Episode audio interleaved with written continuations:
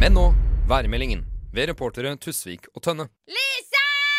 Beklager å måtte si det, men hvor i helvete er du? Jeg, jeg kommer nå. Nei, men du er faen meg aldri på plass når vi skal lage værpodkast.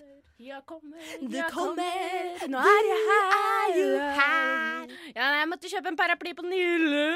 Skjønner du, en slik med svette kattunger på. Jeg er litt Nei, ruskevær. men du Lisa, dette går ikke. Nå har vi faktisk fått spons fra radiotjenesten. Hashtag annonse! Og vi har lovet dem om å melde været for helga. Da kan ikke du komme valsende inn her med en stygg paraply og looken til en også. Sigrid, altså, vi vet jo ingenting om været. Altså, jeg vet at det blir fint vær når det ikke er skyer, men jeg kan ikke spå hvilket vær det blir i morgen. Jeg var nerkes! Ikke uteligger! Nei, men Lisa, når jeg tisser på meg, så vet jeg at det blir regn.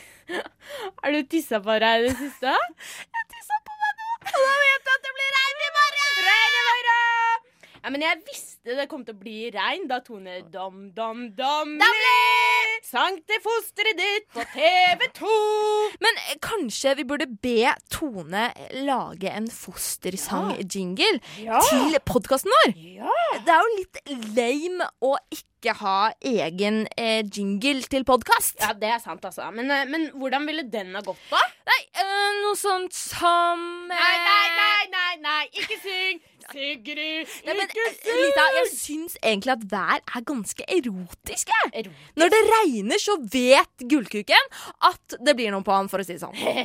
Det samler seg til et lavtrykk over Sigrids fitteregion. Blir litt fuktig i innholdsstrøket sør for Dovre. Den femte statsmakt. Radiotjenesten.